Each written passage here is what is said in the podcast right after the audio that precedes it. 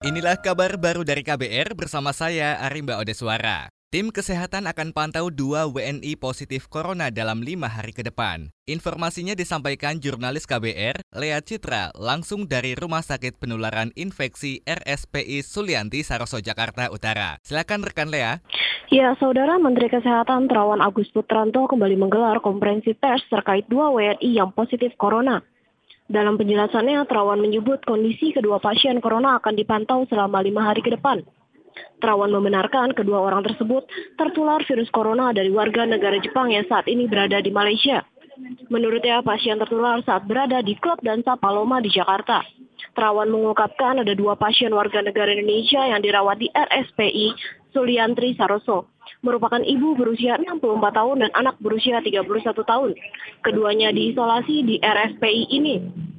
Kini kediaman yang dihuni pasien positif virus corona tersebut telah diisolasi. Terawan mengungkapkan pasien tersebut mulai terdeteksi Minggu 1 Maret. Bahkan dua keluarga pasien lainnya akan dicek kesehatannya di RSPI Sulianti Saroso.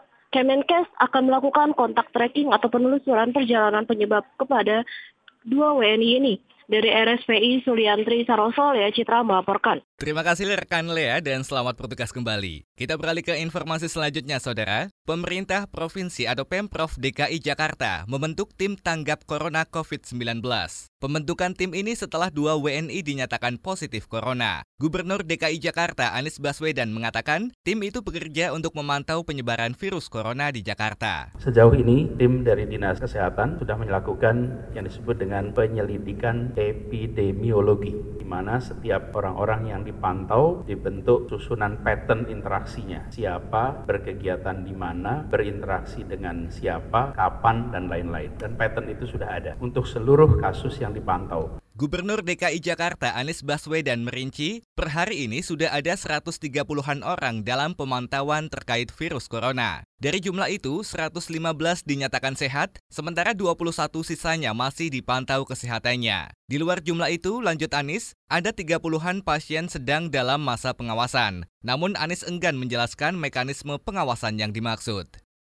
Otoritas Jasa Keuangan OJK berjanji melonggarkan syarat pemberian kredit untuk menyikapi dampak corona terhadap perekonomian Indonesia. Ketua Dewan Komisioner OJK, Wimbo Santoso mengatakan, pelonggaran kredit diberikan dengan mengurangi aspek penilaian kualitas kredit calon debitur. Selama ini, bank menggunakan tiga aspek, yaitu prospek usaha, performa debitur, dan kemampuan bayar. Dan kami dari OJK sudah BEM ada kebijakan pelonggaran perhitungan kolektivitas. Dari tiga pilar menjadi satu pilar. Dua pilar itu adalah prospek usaha, di mana sekarang ini banyak uh, sektor-sektor uh, ya prospek usahanya kalau kita karena dampak coronavirus ini terganggu, sehingga ini tidak perlu dihitung menjadi komponen perhitungan kolektivitas Sementara itu, OJK merinci saat ini usaha yang paling terdampak virus corona antara lain pariwisata, logistik, dan manufaktur yang berhubungan dengan ekspor impor.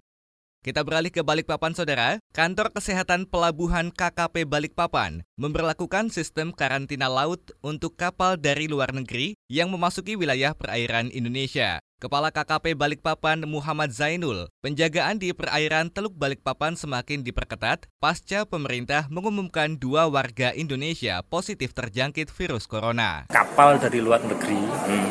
itu KKP melakukan pemeriksaan pertama hmm. sebelum tim lain untuk melakukan pemeriksaan hmm. itu harus memastikan bahwa kapal tersebut bebas dari penyakit karantina.